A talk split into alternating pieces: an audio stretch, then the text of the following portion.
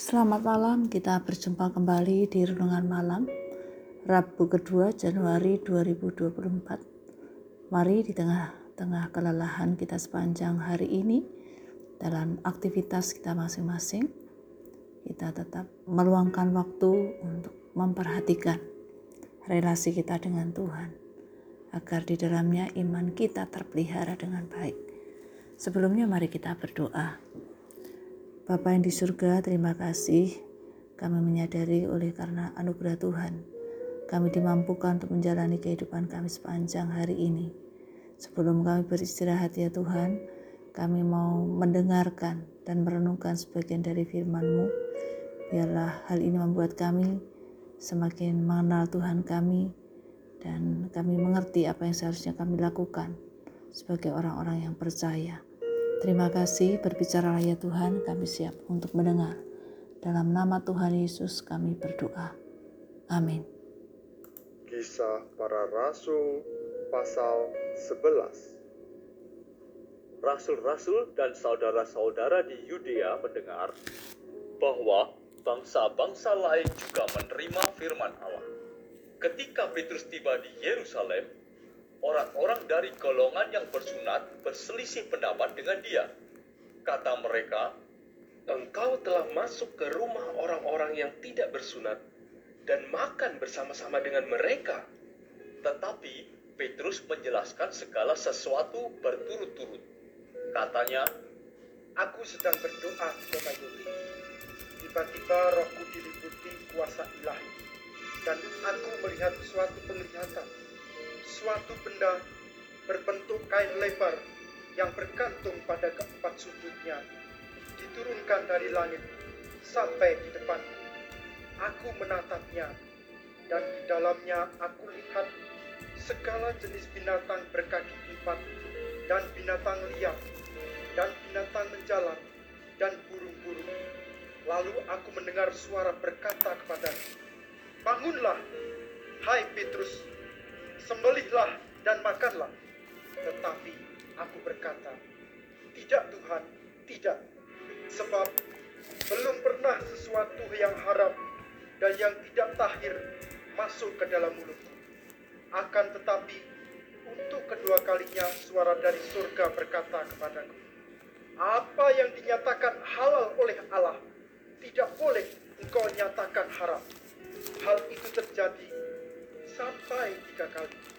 Lalu semuanya ditarik kembali ke langit.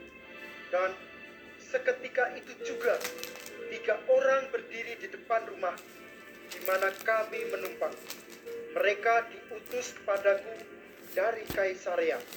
Lalu kata roh kepadaku, pergi bersama mereka dengan tidak bimbang. Dan keenam saudara ini menyertai aku kami masuk ke dalam rumah orang itu dan ia menceritakan kepada kami bagaimana ia melihat seorang malaikat berdiri dalam rumahnya dan berkata kepadanya, Suruhlah orang ke Yope untuk menjemput Simon yang disebut Petrus.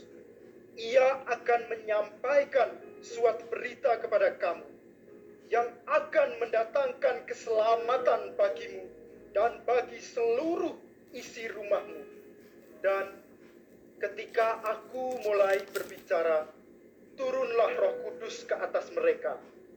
Sama seperti dahulu ke atas kita. Maka teringatlah aku akan perkataan Tuhan. Yohanes membaptis dengan air, tetapi kamu akan dibaptis dengan roh kudus. Jadi, jika Allah memberikan karunia-Nya kepada mereka sama seperti kepada kita pada waktu kita mulai percaya kepada Yesus Kristus, bagaimanakah mungkin aku mencegah dia? Ketika mereka mendengar hal itu, mereka menjadi tenang, lalu memuliakan Allah.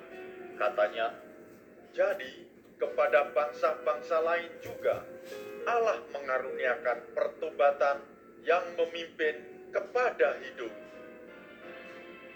sementara itu banyak saudara-saudara telah tersebar karena penganiayaan yang timbul sesudah Stefanus dihukum mati. Mereka tersebar sampai ke Fenisia, Siprus, dan Antioquia. Namun, mereka memberitakan Injil kepada orang Yahudi saja. Akan tetapi, di antara mereka ada beberapa orang Siprus dan orang Kirene yang tiba di Antioquia dan berkata-kata juga kepada orang-orang Yunani dan memberitakan Injil bahwa Yesus adalah Tuhan. Dan tangan Tuhan menyertai mereka dan sejumlah besar orang menjadi percaya dan berbalik kepada Tuhan. Maka sampailah kabar tentang mereka itu kepada jemaat Yerusalem. Lalu jemaat itu mengutus Barnabas ke Antioquia. Setelah Barnabas datang dan melihat kasih karunia Allah, bersukacitalah ia. Ia menasihati mereka supaya mereka semua tetap setia kepada Tuhan. Karena Barnabas adalah orang baik, penuh dengan roh kudus dan iman. Sejumlah orang dibawa kepada Tuhan. Lalu pergilah Barnabas ke Tarsus untuk mencari Saulus.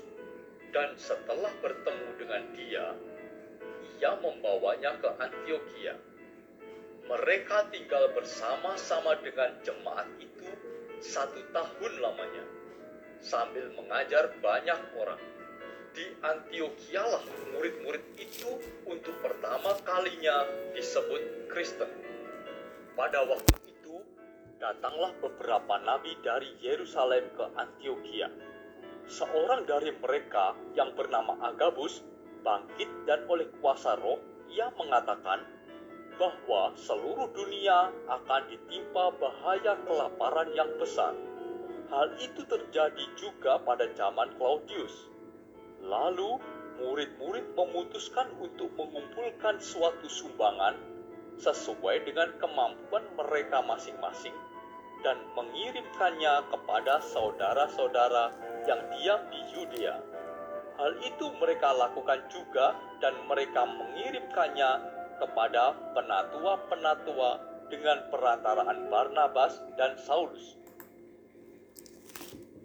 Dalam kisah para rasul pasal 11 ini dikisahkan bahwa penglihatan Petrus tidak memperkenalkan gagasan tentang masuknya bangsa-bangsa lain ke dalam keselamatan.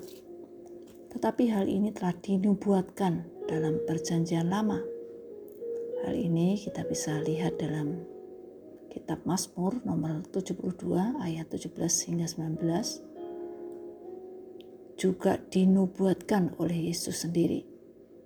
Kita bisa lihat dalam Injil Lukas pasal 24 ayat 44 sampai 47. Bahkan telah digenapi melalui kematian Kristus sendiri. Efesus pasal 2 ayat 12 hingga 15. Penglihatan Petrus menegaskan adanya perubahan dan mendorong setiap orang percaya untuk mengikut Kristus dalam memberitakan Injil kepada banyak orang dan menyambut bangsa-bangsa lain agar mereka juga mengenal Yesus Sang Juru Selamat. Mari kita renungkan mengapa sebagai orang percaya terkadang kita lambat dalam memberitakan Injil kepada suatu kelompok atau budaya yang berbeda dengan kita. Mengapa Tuhan mendorong kita untuk melakukannya? Ingatlah bahwa semua bangsa, di mana pun mereka berada, membutuhkan kabar keselamatan. Dalam kisah para rasul pasal 11 ini juga dikisahkan bahwa Barnabas mengunjungi orang-orang percaya di Antioquia. Dia melihat kasih karunia Allah dalam pekerjaan di sana. Disebutkan dalam ayat 23.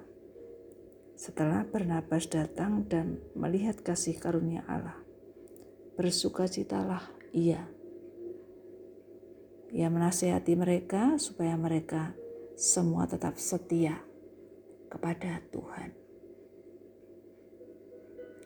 Ini berarti bahwa Barnabas telah melihat hasil-hasil kasih karunia Allah yang bekerja di dalam kehidupan orang-orang yang percaya kepada Kristus dan mengikut dia sebagai murid-muridnya.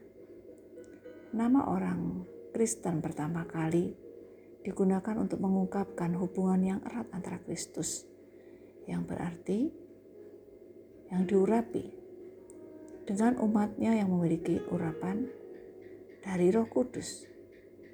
Jika kita menyandang nama Kristen, mengapa hal itu penting bagi orang lain untuk melihat kasih karunia Kristus dalam hidup kita?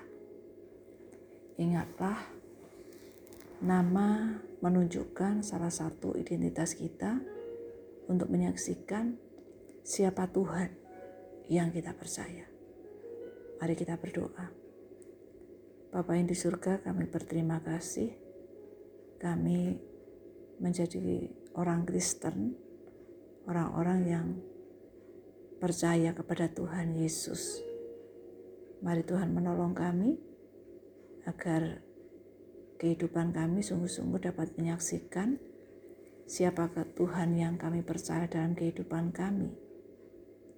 Tuhan juga menolong kami agar kami sungguh-sungguh dalam kehidupan kami menyatakan kasih dan kebaikan Tuhan yang sudah kami alami, bahkan Kau yang telah menyelamatkan kami. Terima kasih Tuhan, pimpin perjalanan kehidupan kami seturut dengan kehendak Tuhan. Dalam nama Tuhan Yesus kami berdoa. Amin. Bapak Ibu sekalian, selamat malam, selamat beristirahat. Tuhan Yesus memberkati. Amin.